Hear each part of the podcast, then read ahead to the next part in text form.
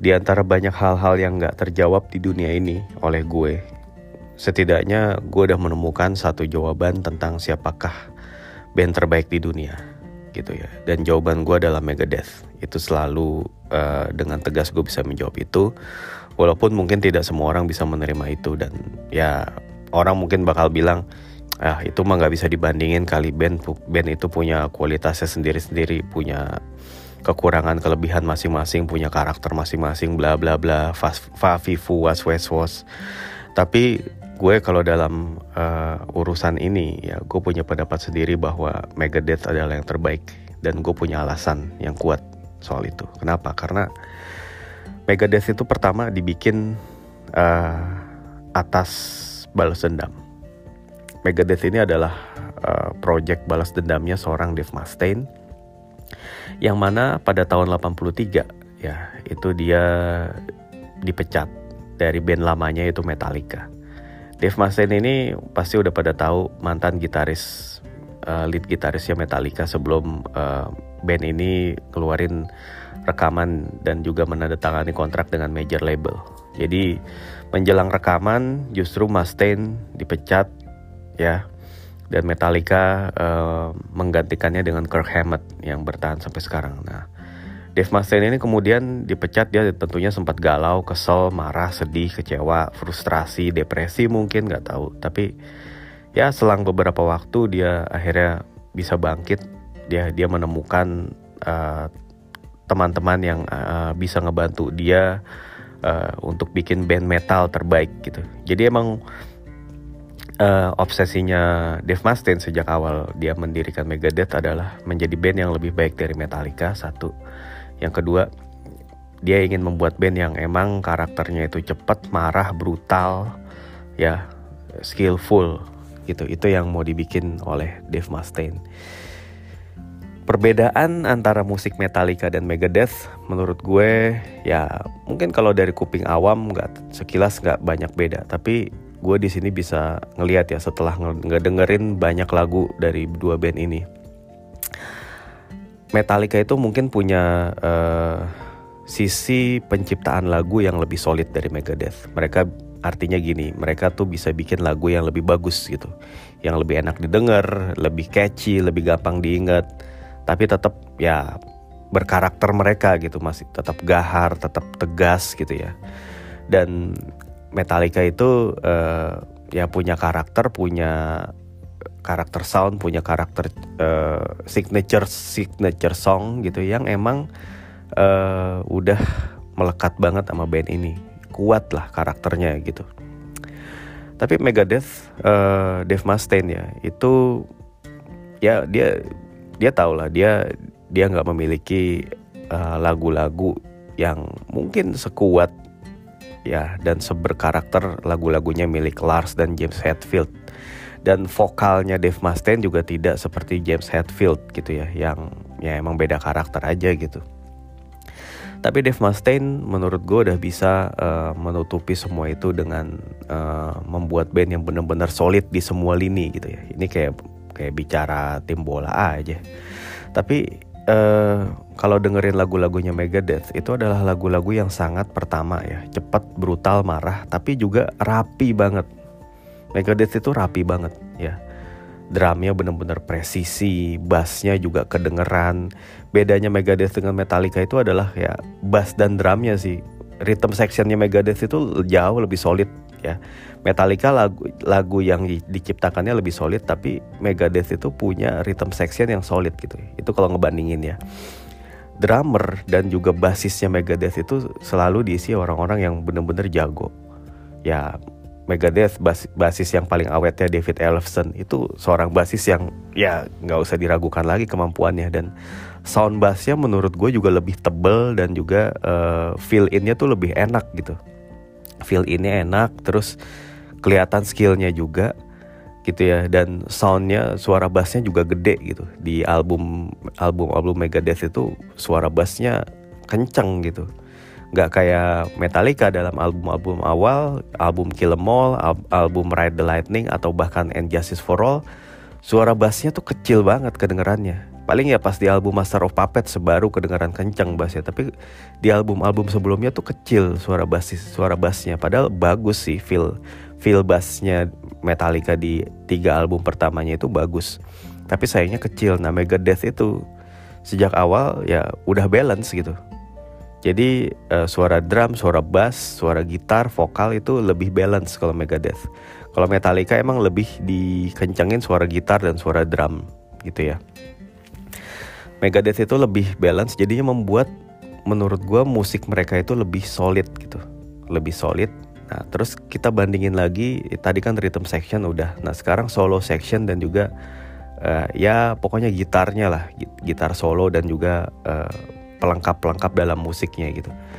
Metallica punya Kirk Hammett. Gue nggak ragu dengan kemampuan Kirk Hammett. Dia punya signature uh, soundnya juga dengan pedal wahnya gitu cry baby gitu ya. Sampai ada yang ada yang dia punya kalau nggak salah signature pedal wah gitu ya. Yang mana itu udah jadi ciri khas banget ya di lagu-lagu uh, di Black Album terutama ya. Dia dominan banget di Master of Puppet itu keren banget dia mainnya. Terus di One itu juga dia bisa mengkombinasikan nada-nada uh, atau influence-influence uh, classical gitu. Dia masukin ke situ gitu ya Sementara kalau si uh, Megadeth ya Dave Mustaine emang seorang gitaris ya dan uh, tambahan lagi ya tadi so, sorry gue soal rhythm section gue nambahin lagi. Rhythm sectionnya Megadeth itu bukan cuma rapi tapi rumit dan setara solo. Karena nggak lain Dave Mustaine itu adalah seorang lead gitaris tadinya. Jadi dia bikin rhythm gitar ritmenya itu juga ribet gitu gitarnya yang nadanya ribet banyak gitu ya dan sangat kaya nadanya. Lu dengerin lagu kayak dystopia kayak uh, the sick the dead and die the dying and dead. Terus lagu-lagu seperti trust lagu-lagu seperti siapa Lucretia uh, Tornado of Souls. Itu mainin ritmenya aja keriting gitu. Mainin ritme berasa kayak mainin solo part solo atau melodi gitu. Ya itulah kelebihan yang dimiliki Megadeth. Tapi orang suka atau enggak itu selera gitu. Kalau Metallica kan rhythm sectionnya paling ya petikan gitu kayak Fade to Black kayak Unforgiven yang kayak gitu-gitu atau yang ya udah yang jet-jet yang distorsi full distorsi aja kayak Entertainment atau kayak Master of Puppet gitu. Ya tapi kalau Megadeth itu ada dimensinya lah ada ada kekuatan tambahannya menurut gua dari rhythm section dengan feelnya Dave Mustaine. Dan kemudian solo section. Karena Dave Mustaine adalah seorang gitaris, uh, lead gitaris. Jadi solo sectionnya itu sangat-sangat variatif dan bisa saut-sautan gitu antara Dave Mustaine dan gitaris leadnya dia. Jadi Dave Mustaine itu adalah seorang rhythm gitaris tapi juga sebagai lead gitaris. Dalam beberapa lagu dia dominan ngambil banyak solo gitarnya. Gitu. Tapi untuk part-part tertentu yang tentunya sulit, dia tentu akan menyerahkan kepada lead gitarisnya. Dan pemilihan lead gitaris bagi Megadeth itu sangat-sangat krusial. Tapi Dave Mustaine beberapa kali mencoba berhasil. Gitaris-gitarisnya Megadeth itu kan Chris Poland, Jeff Young, uh, terus Marty Friedman, uh, siapa lagi si Glenn Drover, Chris Broderick, sama sekarang Kiko Lorero. Tuh mungkin ada beberapa nama yang gue miss, tapi semua gitaris-gitaris yang dipilih oleh Dave Mustaine itu adalah gitaris-gitaris yang kelasnya itu udah udah dewa gitar gitu. Yang fill innya solo solonya itu udah keren banget. Oh ya gue lupa tadi nyebut Al Pitrelli itu gitaris-gitaris keren semua gitu ya. Yang kemudian memberikan warna yang sangat-sangat kental gitu kepada uh, musiknya Megadeth. Jadi Megadeth itu menurut gue paket lengkap sebuah band yang punya rhythm section yang sangat solid dan uh, dan apa namanya dan rame.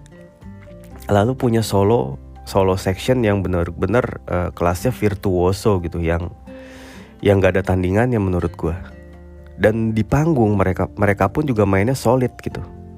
Mereka mainnya juga rapi seperti halnya di studio seperti halnya di rekaman. Jadi ini emang band yang bukan kaleng-kaleng sama sekali menurut gue inilah yang membuat Dave Mustaine itu terbaik sih. Dan Dave Mustaine itu cukup produktif ya orangnya. Sangat malah sangat produktif. Banyak banget album mudah yang dihasilkan. Bahkan ketika tahun 2002 ya dia uh, mengalami sakit cedera pada tangannya sehingga tangannya itu sulit digerakkan dan itu sempat bikin Megadeth itu bubar. Ya sebelum akhirnya Dave Mustaine sembuh dan akhirnya dia bikin lagi dengan dia kembali dengan album The System Has Failed dengan tambahan musisi-musisi additional gitu ya. Dan akhirnya sekarang hidup lagi bikin album lagi sampai terakhir bikin album The The Sick The Dead eh The Dying and the Dead. Tahun 2022 itu gue nggak nyangka gitu produktivitasnya Dave Mustaine itu masih terjaga di usianya yang udah sangat senior ya. Sekarang dia kalau nggak salah umurnya 59 apa 60 gitu udah tua udah tuir gitu. Cuman gila main gitarnya tuh masih gimana ya permainan gitar Dave Mustaine itu kan lo tau lah dia banyak ngeluarin ya banyak menghasilkan ghost note ghost notes karena dia bukanlah gitaris yang presisi gitu. Dia distorsinya akan full distorsi itu berisik gahar gitu ya. Tapi dia bukanlah gitaris yang mainnya presisi seperti halnya Slash, Marty Friedman, Paul Gilbert gitu nggak yang kayak gitu dia dia gitaris metal yang emang mainnya cepet gitu. Nah dia untuk itulah kemudian dia menambahkan gitaris-gitaris virtuoso. Ya gitaris metal yang mainnya presisi yang macam John Petrucci kayak gitu-gitu. Cuman kalau John Petrucci kan ya emang fing ya dia fingeringnya aja sangat-sangat bagus gitu. Tapi kalau gitaris seperti Marty Friedman dan juga Kiko Lorero itu dia menambah menambah nyawa sih menurut gue. Seperti halnya yang dilakukan Richie Sambora terhadap band Bon Jovi. Tan bon Jovi tanpa Richie Sambora, ah jelek banget kalau menurut gue. Tapi kalau ya Megadeth ya dengan gitaris tambahan seperti Kiko dan juga si Marty Friedman itu benar-benar bikin musik mereka itu jadi tambah wah gitu. Udah rhythm sectionnya solid, ya bahkan lebih rapi mainnya daripada band punk. Tapi dia bisa main juga lebih variatif, lebih ter, lebih terdengar enak dan lebih menyayat daripada band-band metal gitu. Jadi Megadeth itu all star gue bilang. Ya cuman sekali lagi kan kualitas itu tidak selalu mencerminkan kesuksesan secara komersil. Ya Megadeth dibanding Metallica jauh penjualan Megadeth itu albumnya paling cuma kejual 25 juta kopi. Metallica tuh bisa 10 kali lipat ya 200-an juta kopi terjual albumnya di seluruh dunia sepanjang masa. Tapi itu tidak membuat gue uh, lantas jadi mengkotak-kotakan, jadi kayak bilang ah Metallica jelek, Megadeth bagus enggak. Gue tetap suka keduanya, gue tetap menjadi penikmat dari kedua band itu dan ya gue melihat uh, pemecatan Dave Mustaine oleh Metallica itu jadi sebuah blessing in disguise. Coba lu bayangkan kalau Dave Mustaine seandainya nggak dipecat, dia jadi lead gitarisnya Metallica, mungkin gua rasa musiknya Metallica tidak uh, seperti sekarang. Gue nggak bilang Kirk Hammett lebih baik daripada Dave Mustaine, tapi Dave Mustaine itu udah, udah meletakkan fondasi gitu dalam lagu-lagu di album Kill Em All, bahkan ada lagu The Four Horsemen yang di uh, apa yang itu adalah lagunya si Dave Mustaine yang kemudian dia rilis dengan lagu The Mechanics di albumnya album barunya Megadeth ya Killing is my business and the business is good. Nah terus yang cerita menarik juga di album The Four Horsemen itu solonya itu si Dave Mustaine itu pernah iseng sama Cliff Burton mainin lagu Sweet Home Alabama. Dan akhirnya emang itulah jadi rhythm sectionnya di solonya The Four Horsemen. Itu emang uniknya Dave Mustaine di situ sih. Nah terus kemudian uh, ya gue juga nggak lantas pengen ngebandingin Metallica dan Megadeth juga. Dua-duanya gue suka sekali lagi. Menyukai Megadeth tidak membuat gue membenci Metallica ataupun sebaliknya. Jangan pakai kayak prinsip tim bola gitu. Lu suka Persib lu benci Persija atau sebaliknya Lu suka Manchester United, lu benci Liverpool. Lu suka AC Milan, lu benci Inter Milan. Lu suka Barcelona, lu benci Real Madrid. Itu kan uh, fans bola. Gue nggak nggak bilang semuanya, tapi kebanyakan begitu gitu ya. Ya, kalau musik, gue gua rasa gue juga nggak bisa ngegitu-gituin musik karena musik itu masalah selera, masalah telinga, dan masalah siapa yang ngehook gitu gue orang yang tipikal nggak percaya pada cinta pandangan pertama. Jadi ketika gue misalnya ngeliat perempuan, gue nggak mungkin bisa langsung jatuh cinta ke dia secakep apa pun dia gitu. Tapi kalau tertarik pada pandangan pertama, iya tertarik tertarik pada fisiknya. Karena pada saat itu gue hanya melihat fisiknya, gue belum kenal orangnya. ya wajar kalau gue misalnya hanya tertarik pada fisiknya dan fisiknya dulu yang membuat gue tertarik ya tapi gue nggak bisa bilang uh, gue kayaknya jatuh cinta nih sama dia di pandangan pertama ini. Gue itu nggak pernah terjadi gitu. Tapi kalau gue jatuh cinta pada pendengaran pertama terhadap lagu itu iya. Jelas. Kadang-kadang lagu itu hanya butuh waktu 10-15 detik untuk bisa bikin gue wah ini dia nih lagu yang bakal jadi favorit gue beberapa lagu udah gue alamin seperti itu. Beberapa lagu gue dengerin cuman butuh waktu 10-15 detik untuk kemudian jadi lagu-lagu favorit gue kayak lagu di Purple yang judulnya uh, Nothing at All uh, Highway Stra Highway Star terus lagu-lagu Dream Theater kayak yang um, apa namanya Pull Me Under terus lagu Metallica yang kayak Master of Puppets dan juga One Fade to Black termasuk lagu Megadeth yang judulnya seperti Dystopia dan uh, The Sick, The The Dying and The Dead ini. Terutama di ini uh, ngomongin lagu The Sick, The Dying dan and The Dead. Gue tahu ya tidak banyak orang yang menyukai musik metal dan gue tidak memaksakan itu. Gue tidak mau juga memaksakan oh orang harus suka musik metal karena ya tadi yang gue bilang musik metal itu kan musik yang paling keren dan band terbaik dunia adalah Megadeth gitu. Tapi gue tentu tidak bisa memaksa orang untuk sependapat dengan gue. Bisa aja orang berpendapat musik terbaik di dunia adalah K-pop dan uh, band terbaik atau boy band terbaik adalah apalah itu adalah BTS. Orang sah-sah aja bilang gitu. Gue juga nggak akan menyalahkan orang ketika bilang musik terbaik di dunia adalah country dan Taylor Swift adalah dewanya. Ya, ada juga yang bilang musik terbaik adalah pop, gitu ya. Dan um, siapa ya Michael Jackson adalah the best uh, atau bukan Michael Jackson musik ter musik terbaik itu pop uh, Rosa adalah yang terbaik gitu ya atau siapa lagi ya atau um, Tulus itu adalah yang terbaik gitu. Terserah. Terserah orang mau bilang apa terserah orang punya pendapat apa. Tapi di sini gue ngelihat secara utuh. Musik itu adalah kumpulan instrumen yang dimainkan ya, dengan uh, lirik-lirik yang bikin semangat, yang marah, itulah yang musik yang ideal buat gue. Jadi musik itu instrumennya harus dimainin, gitar itu harus yang bener-bener mainnya shredding gitu ya, dan juga distorsinya kencang. Dan drum itu juga dimaininnya harus cepat dan kencang dipukulnya, ya dan nyanyi itu ya teriak-teriak, bukan dengan yang sengau-sengau mendayu-dayu. Itu buat gue gitu. Dan album Megadeth yang baru ini The Sick, The Dying, and The Dead ini menurut gue um, memenuhi syarat itu dan lagu tersebut ya lagu yang jadi judul album The Sick, The Dying, and The Dead. Itu punya intro terbaik menurut gue intro yang paling paling enak dan paling wah. Wah ini gue tahu gue langsung tahu begitu dengar intronya ini lagu bagus. Dan bikin gue senyum-senyum sendiri begitu pertama dengar wih wih wih gitu. Udah kayak orang yang ngelihat apa ya ngelihat pertunjukan aja yang bagus gitu.